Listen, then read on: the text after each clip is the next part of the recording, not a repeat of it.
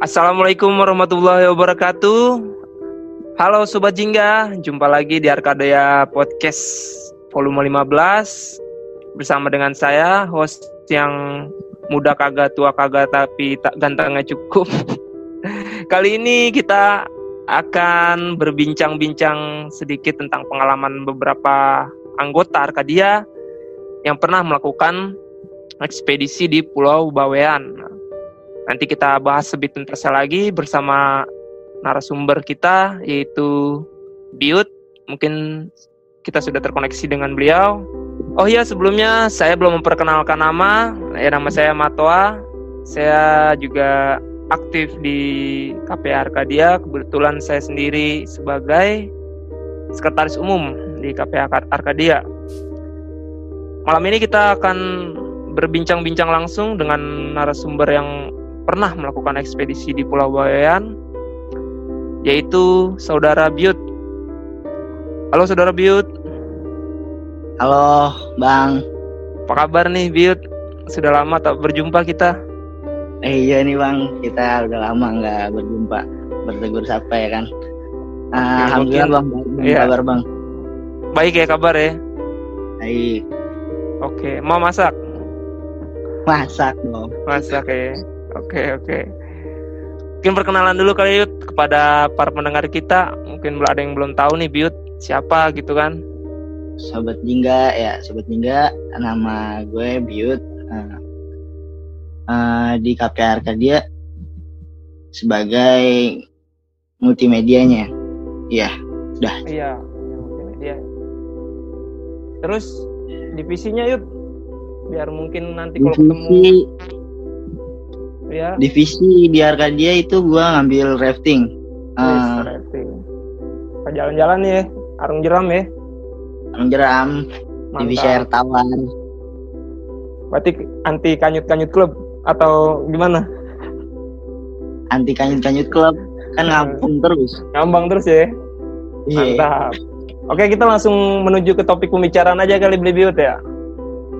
Iya, boleh bang. Ya, seperti yang kita ketahui nih, mungkin banyak juga yang belum tahu dari para pendengar kita nih mengenai Pulau Bawean ya yang kemarin beli Biut dan saudara-saudara semua anggota Arkadia Hita Karana melakukan ekspedisi di sana. Jadi saya sedikit uh, cari info nih sebelumnya beli. Pulau ini terletak sekitar 150 km utara Surabaya di Laut Jawa. Pulau ini dikelola oleh Kabupaten Gresik, Provinsi Jawa Timur dan berdiameter sekitar 15 km dan dikelilingi oleh satu jalan sempit. Mm -hmm.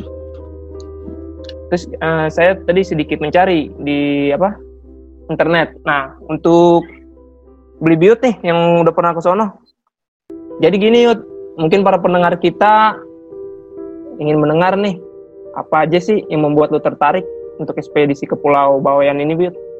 Alasan kenapa gue ke sana Oh iya karena emang kita ramean kan ya. Iya, uh, oh itu kebetulan berapa orang ya tuh? Uh, 11 orang itu. 11, 11 orang.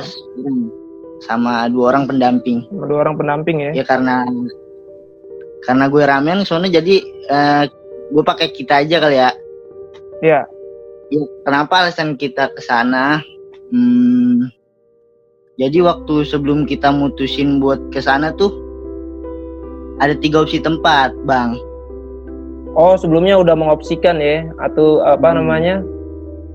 mencari beberapa alternatif gitu mungkin untuk ekspedisi ya. Tapi milihnya nah, Bawean gitu ya, Teh. Nah, dua di antaranya itu Pulau Seram di Maluku sama Kampung Tarung di Sumba. Dan kenapa Mantap. kita nggak milih opsi kedua itu? Karena ya dilihat aja dari namanya aja tuh Pulau Seram Soal takut serem deh. Iya, bayangin aja. Iya bener sih serem. Ngerinya Kenapa? ntar kita mencekam terus keadaan di sana ya. Nah, iya, dan namanya aja udah serem. Iya, iya, iya. sih. Bener, bener, bener. Iya, yang satu lagi gabung tarung. Udah gitu yang lebih serem lagi nggak ada duit ya, ya? Nah, itu dia. Terus yang satu lagi kan tarung. Iya, jadi, jadi tambah serem ya kan. Uh, Oke, benar. Yang satu lagi yang Kampung Tarung tuh Bang ya. Kampung Darung. Kampung Darung. ntar gue nyampe sono. Iya terlalu bertarung mulu ya. Nah, berantem mulu ntar. tapi lu pulang-pulang nanti jago berantem ya nah iya. Ya kan? Tapi nyala bercanda bercanda. Oke oke. Lanjut lanjut. itu gimana tuh? karena ya karena pertama dari budget bener kata lu tadi budget uh, si Bawian ini budgetnya lebih lebih minim dari oh iya iya. Lebih terjangkau lah Yud ya? Iya lebih terjangkau. Iya iya. Terus ke kedua akses. Dia lebih mudah karena ada beberapa uh, anggota KPRK dia juga yang emang domisili di sana itu senior senior oh ada yang tinggal juga ya? Di di sana iya. Yud ya di hmm, Gresik okay. sih di Gresik ya? Ah. oh iya. Itu angkatan gue kebetulan itu. Ah, lupa iya. gue iya iya. Lanjut ya terus kalau poin utamanya sih ya, kenapa kita ekspedisi di sana angkatan kita kita karena karena waktu uh, karena pada waktu itu fokusnya kita itu ke riset Oh, riset, riset ya. Itu kebetulan iya. riset apa Yud di sana Yud? Riset rusa. Oh, rusa Pulau Bawean ya? Hmm. Itu ya, rusa. Nggak cuma, uh. Cuma riset doang nih, kita juga ngembangin sosial sama budayanya. Nah di pulau ini tuh, ini yang kap banget sih dari objek risetnya kita dapat tuh yeah. si Atung ya kan? Mm-hmm. Usa Bawean tuh yang kemarin menjadi maskot Asian Games yang 2018 oh iya iya. Tahu ya tahu tahu. Iya yang bareng jadi si maskot benar-benar sama si kakak kan? Mm-hmm. uh, uh, terus sosial budaya di sana juga ada tuh. Banyak juga. Kayak di sana juga kan ada sebuah pondok pesantren tuh yang menjaga banget nilai budaya kunonya. Jadi di pondok oh, itu sampai oh. itu tuh. Ya, ya terus. Dia penyimpan benda benda-benda kuno yang udah nggak kepake jadi disatuin dijadiin museum gitu. Oh berarti di sana ada museum juga ya ya? Iya museum budaya lah. Uh, sebelumnya gue mau nanya, uh, kalau di sana ada museum berarti penduduknya lumayan padat ya?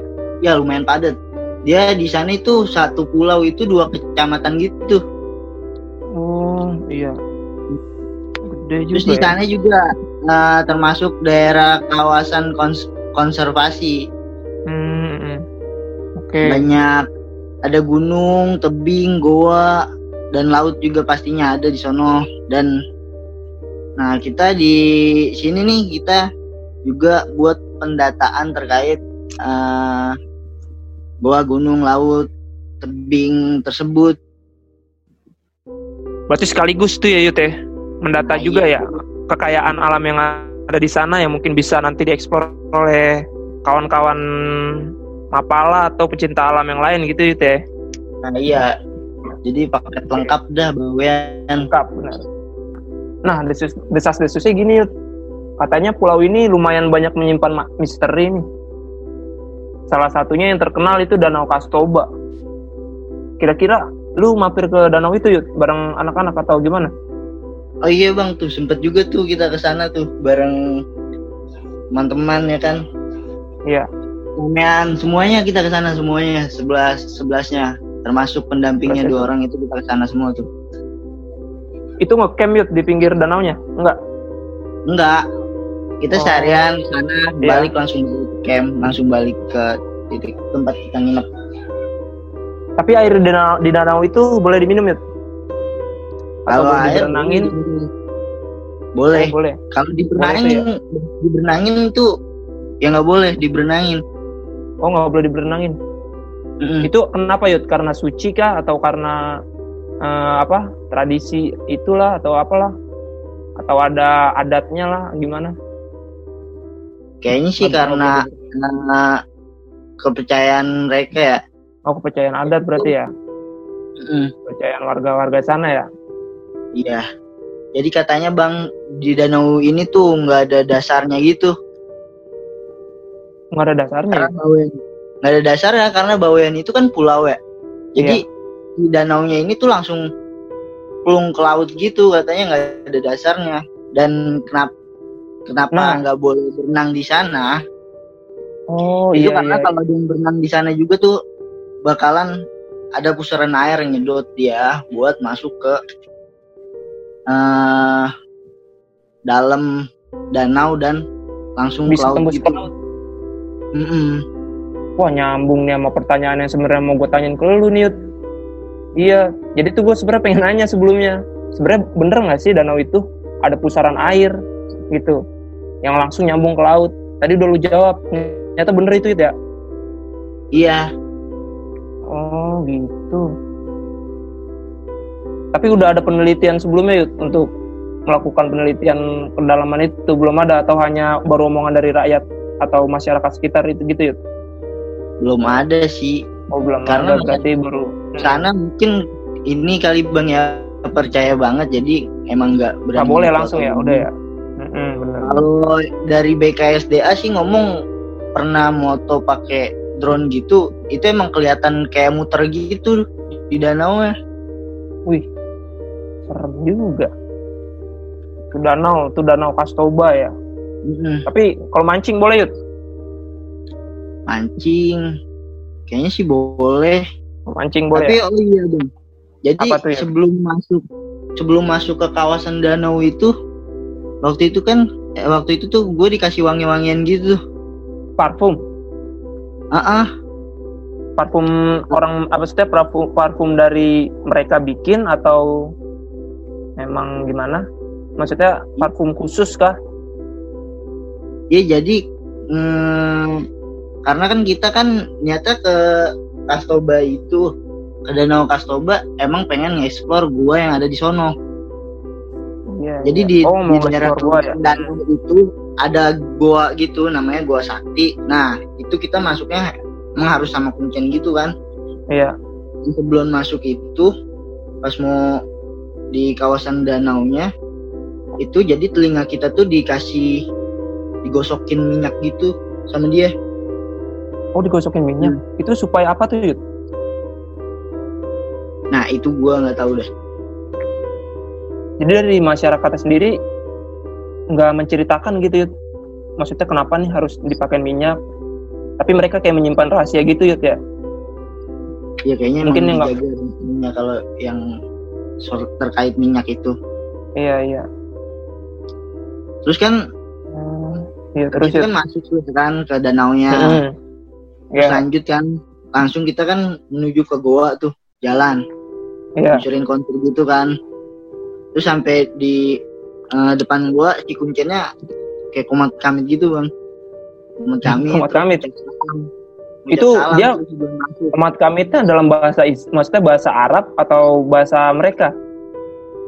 Ya jadi komat kamitnya itu di mulut doang nggak disuarain gitu nggak dilisanin. Oh, mau dilisanin nah, ya? Jadi kita ngeliat dia mulutnya kumat kamit terus dia ngucap salam nah baru dia masuk tuh ke dalam gua. Terus dia ngom ngomong tuh di gua. Baru kita disilak dipersilakan masuk. Baru itu? oh. mungkin doa kali ya gitu ya. Karena di sana mayoritas Islam kan Yud? Muslim? Muslim mayoritas. Mm -hmm. tapi ada nah, agama selain muslim di sana ya atau agama adat? Selain muslim kayaknya sih emang muslim pure ya? semua. Murni ya? Muslim semua ya? Murni. Paling ya hmm. yang ngebedain muslim apa gitu aliran-alirannya. Oh alirannya. Oke okay, oke. Okay. terus pas kita masuk guanya gitu tuh kayak ada caranya gitu bang.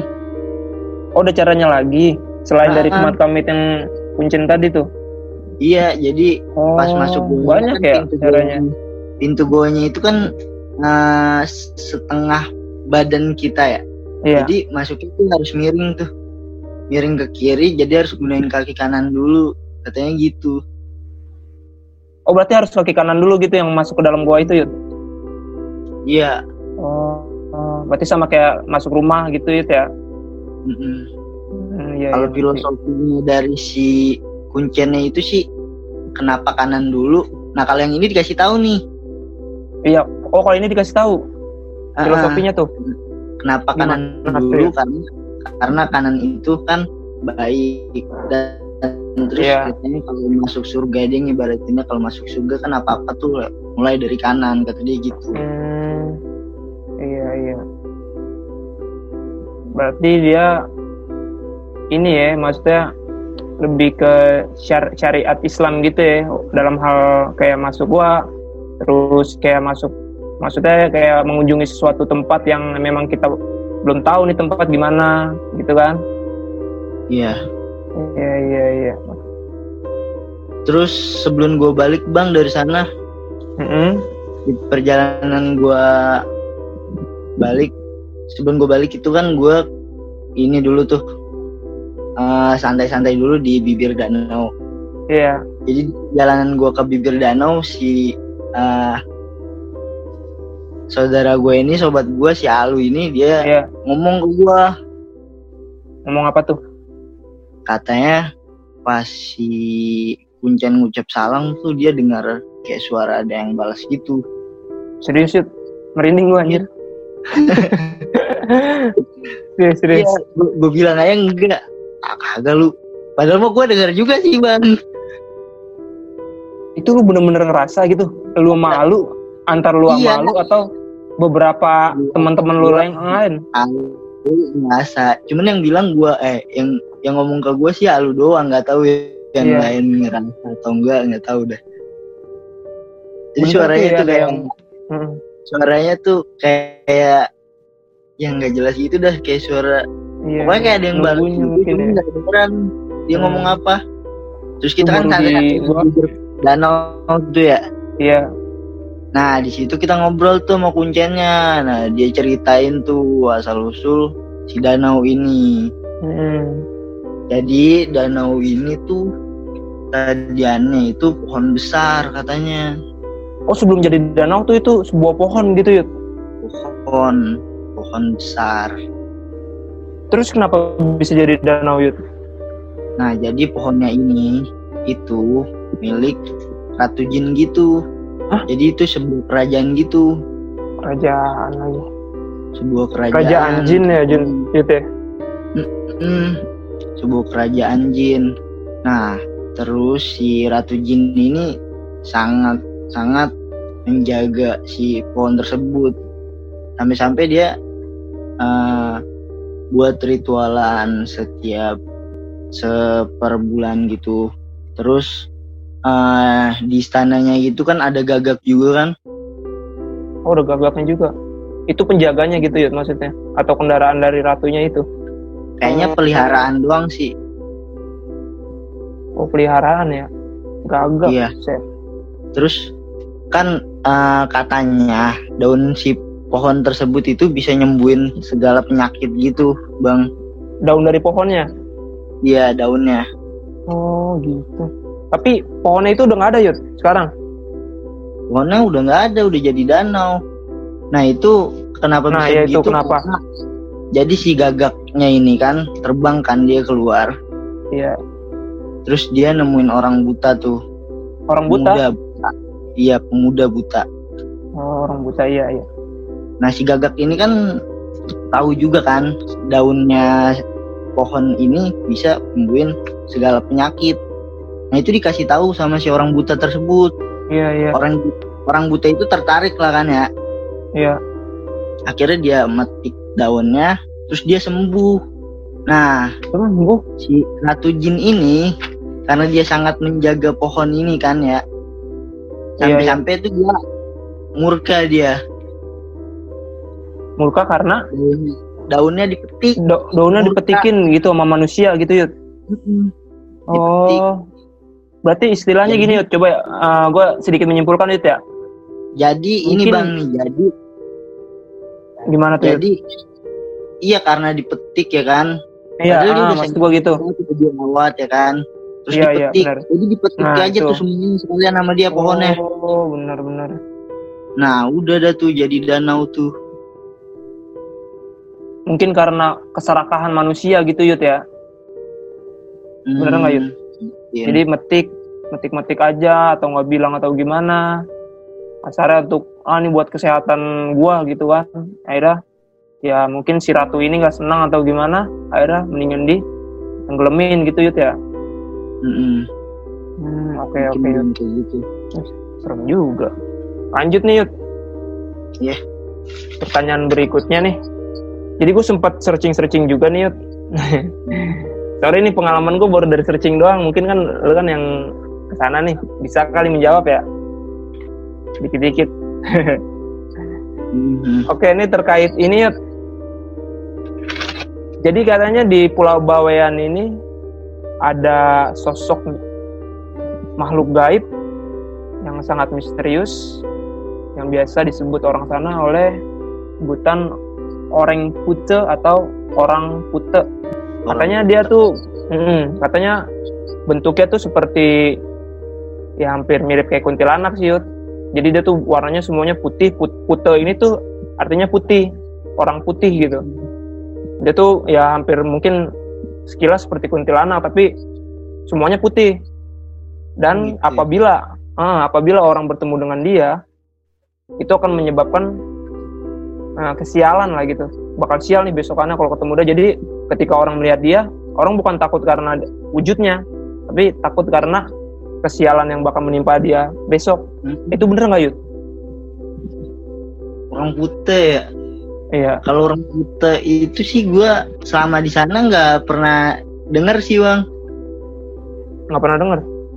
Iya. Tapi pernah pernah maksudnya pernah ada orang yang membicarakan gitu orang-orang sana nggak juga? Nggak pernah sih nggak pernah denger. Nggak pernah ya? Oh. Wah, berarti salah nih internet. Baru tahu gue dari lu nih. Oke, berarti selain orang putih Dayut, mungkin kayak lu mengalami kejadian-kejadian hal yang di luar nalar lu mungkin selama berkegiatan di sana. Kan udah gitu lu juga eh, maksudnya meneliti rusa kan malam juga meneliti tuh itu ya dari pagi sampai malam gitu kan. Iya. Nah, ya coba mungkin lu punya kisah-kisah yang misterius atau misteri-misteri gitu ya. Bisa diceritakan. Eh, kalau buat yang orang putih sih gue gak pernah denger bang ya. Tapi Iya, dari masyarakat Bawen itu pernah ya kan waktu gua sosial ya kan ngobrol sambil ngopi oke, oke. Dia cerita tuh jadi di hutan ini itu eh, hutan bukan sembarang hutan ya kan Mm-mm. jadi hutan hutan ini tuh masih aura aura-aura mistisnya itu masih kental banget gitu Iya, iya, ngerti. Terus, Nah, gue diceritain tuh. Jadi ada bule, bule, dia tuh mau ngecamp gitu di hutannya. Nah kan udah dibilang tuh sama orang Bawean, dibilang kalau ke hutan jangan lama-lama. Dia malah mau ngecamp.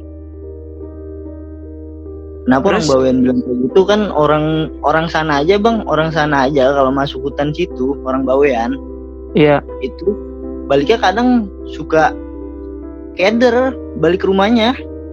keder. Iya makanya makanya dia bilang Buset. makanya dia bilang kayak gitu ya jaga-jaga biar si bulenya emang enggak sana tapi dia masih tekah batu dia Tetap Nggak tuh dia berangkat. Yud. berangkat dia mungkin karena dia emang eh, nggak punya keyakinan atau gimana ya kan namanya orang Iya, iya. Oh iya, benar-benar. dia berangkat tuh berangkat katanya dia mau berhari-hari kan di hutan Mm-mm. cuma di hari itu malamnya dia tuh udah balik Malamnya. Berangkat pagi, Iya. malam udah balik lagi. ah Terus, Udah kenapa balik. itu, Yud? dia mau cerita tuh katanya pas dia lagi tidur ada yang ngayun-ngayunin tuh. Dia lagi hemukan kan tidur di hemok terus ada yang ngayun-ngayunin. Dia berasa kan? Dia Iya. melek tuh. Melek.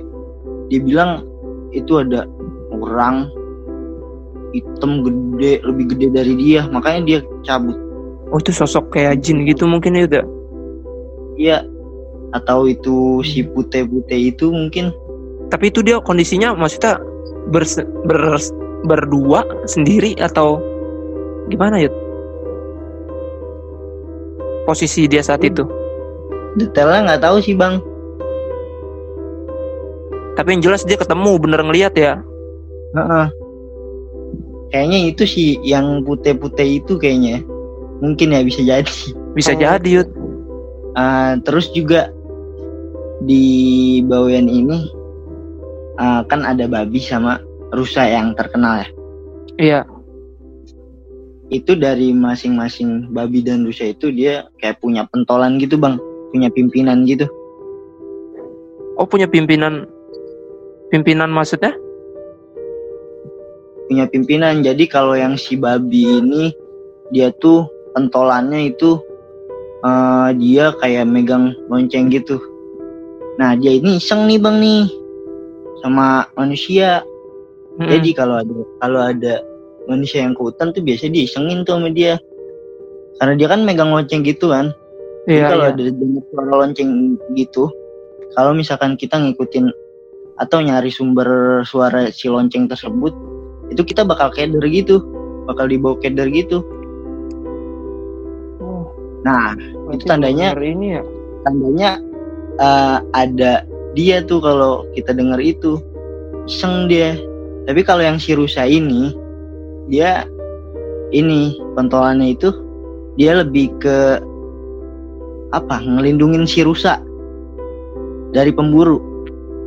Oh, lebih kayak Hmm. melindungi eh, ngerti-ngerti.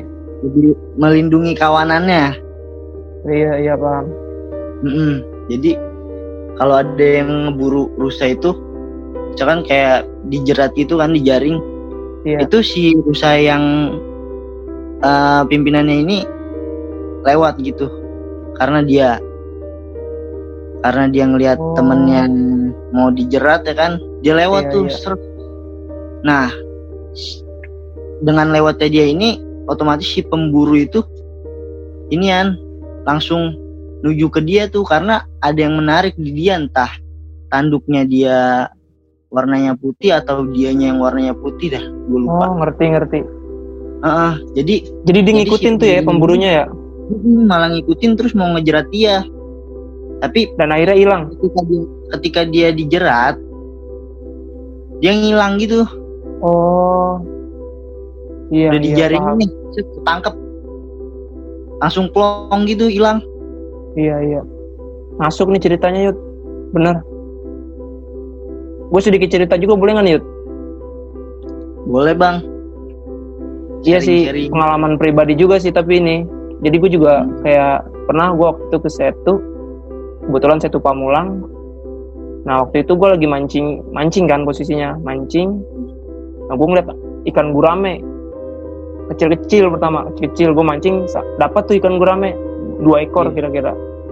Terus tiba-tiba gue nemu yang gede, nemu yang gede ngeliat, gue ngejar-ngejar, tapi nggak kena gue pancingin nggak kena gue serok juga nggak kena padahal badannya gede sampai akhirnya anak-anak yang ini tuh hilang gitu anak-anak anak-anak maksudnya anak-anak ikannya ini hilang di korang gue gitu di tempat gue nyimpen ikannya hilang Oh itu mungkin Itu di situ. sama tuh bang kasusnya bang ya salah Iya, satu maksudnya- pengkolannya Heeh. itu melindungi dari kawan eh, Melindungi, bener. kawanannya dari jeratan-jeratan manusia. Oh. Tapi itu mungkin jin kah atau gimana Yud ya? Gue bingung gue juga tuh Yud. Entah dari Kayak itu gitu. apa. Binatang kan ya kan? Maksudnya kita kan nggak ada pikiran ke situ ya? Pikiran ke mistis-mistis atau gimana ya? Kita ngeliat dia ikan kita pancingin kan? Sama Nah. kayak pemburu itu dia ngeliat dia rusak terus ada yang lebih menarik akhirnya dia kejar yang lebih menarik dan tiba-tiba dia hilang terus yang lagi depan di ini juga hilang gitu kan? Mhm. iya. Wah serem deh. Gue denger dengar hal kayak gitu. Terus juga bang nih. Ada sedikit cerita sih bang nih pengalaman gue sendiri ketika gue di Bawean tuh. Iya. Gue ngalamin kasus kejadian horor gitu bang. Jadi uh, gimana ya? waktu waktu gue ekspedisi ya kan? Iya uh, itu tuh kan gue bagian peralatan. Nah waktu itu tuh malam jam uh, kisaran jam 11 mau ke 12 dah itu kita habis evaluasi briefing ya kan? Sama mm -hmm. itu tuh. Akhirnya gue ngecek ngecek barangnya malam tuh. Gue lagi ngecek kan. Iya. nah, itu alat tuh ada di belakang semua tuh di dapur. nah, itu gue ngecek sendirian tuh. Mm -hmm. ngecek. Checklist ya kan? Biasa kita rapi kan? Checklist. Pas gue lagi checklist tuh tiba-tiba pintu belakang ada yang ini gagangnya ada yang ngekrek gitu. Krek krek krek krek krek. Itu lu posisinya itu sendiri tuh ya malam itu? Ini bang. Tapi yang tim itu masih pada bangun anggota itu iya, karena masih, masih bangun. bangun cuma posisi di dapur gue sendiri di dapur mereka pada di tengah hmm. itu pintu ada yang krek krek itu mata gue langsung menuju ke pintu itu tuh langsung ke gagang pintu itu nah itu gue udah punya niatan pengen ngebuka pintu Nah, pas tangan gue deket ke gagang pintu itu, itu badan gue langsung merinding. Langsung merinding kan. Gue langsung ke tengah tuh. gue langsung ke tengah. Hmm. Ke ruang tengah gitu? Iya, ke ruang tengah. Hmm. Gue nyari nih siapa nih yang kagak ada nih gue disengin nih kayaknya nih. Gue feeling kan sih iya. nih. Damping gue nih kamarak nih gue kira nih. Gue cari ini kamarak nih kayaknya nih.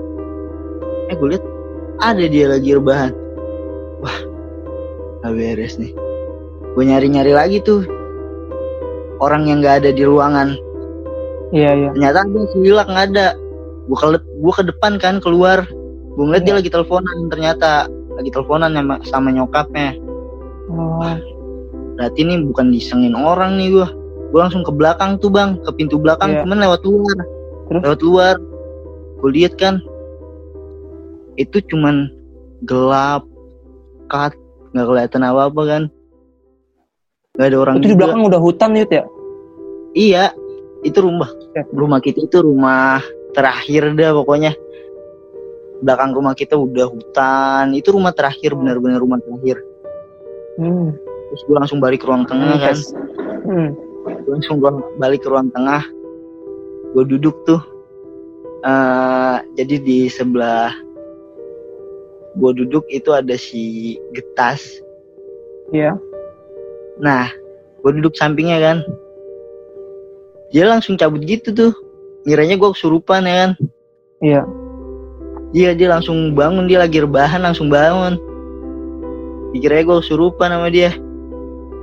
Udah tuh akhirnya gue yang rebahan di tempat dia. Terus gue ngeliatin dia aja tuh. Karena dia ketakutannya kan? Lucu gue ngeliatnya ya. Iya.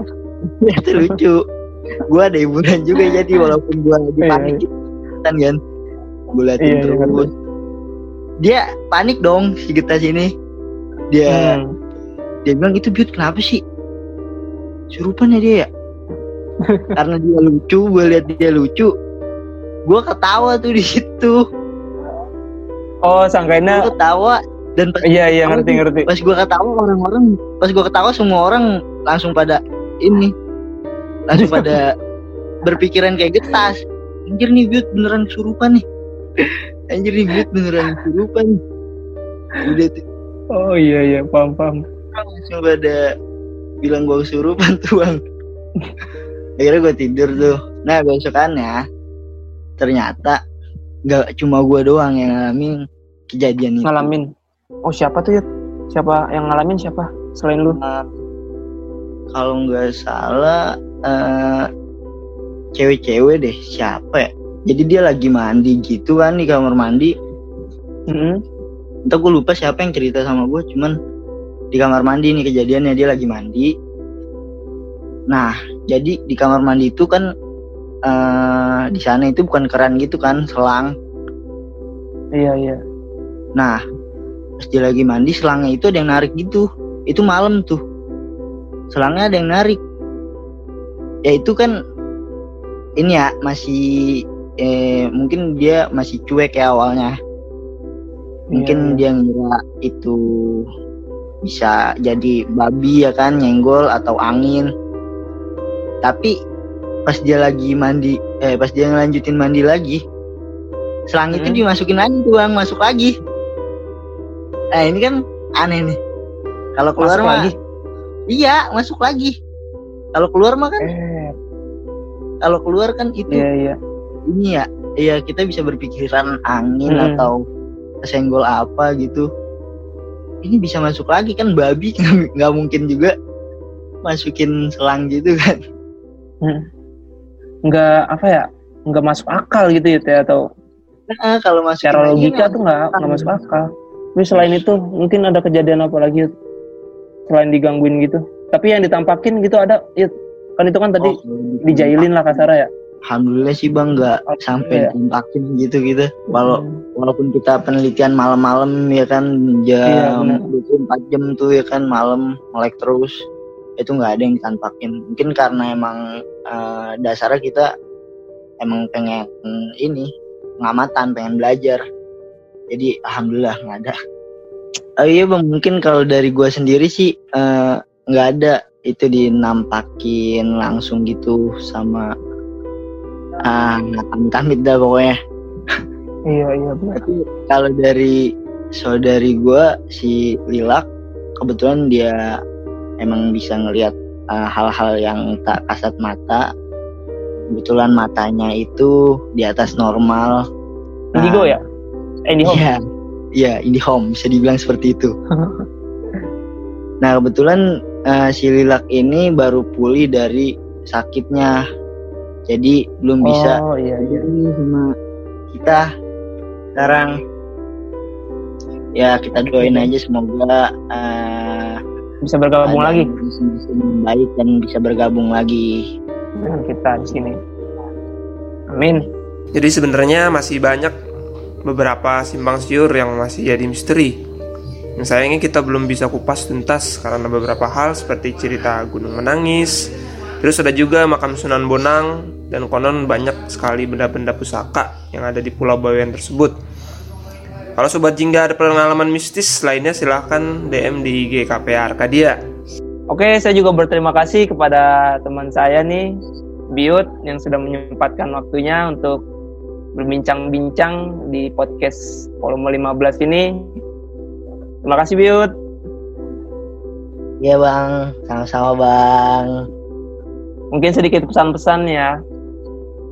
Jika kita sedang melakukan sebuah ekspedisi ataupun berkegiatan di alam bebas, baik itu sungai, tebing, gunung, hutan, kita tetap harus menjaga etika kita, menjaga etika kita sebaik mungkin karena kita sedang berada di bukan di rumah kita gitu kan.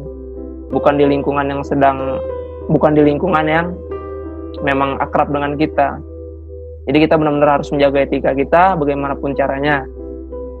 Karena mereka ada bersama kita. Mungkin sekian dari saya. Ya, saya Matwa, pamit undur diri. Berjumpa lagi dengan saya di podcast berikutnya. Wassalamualaikum warahmatullahi wabarakatuh.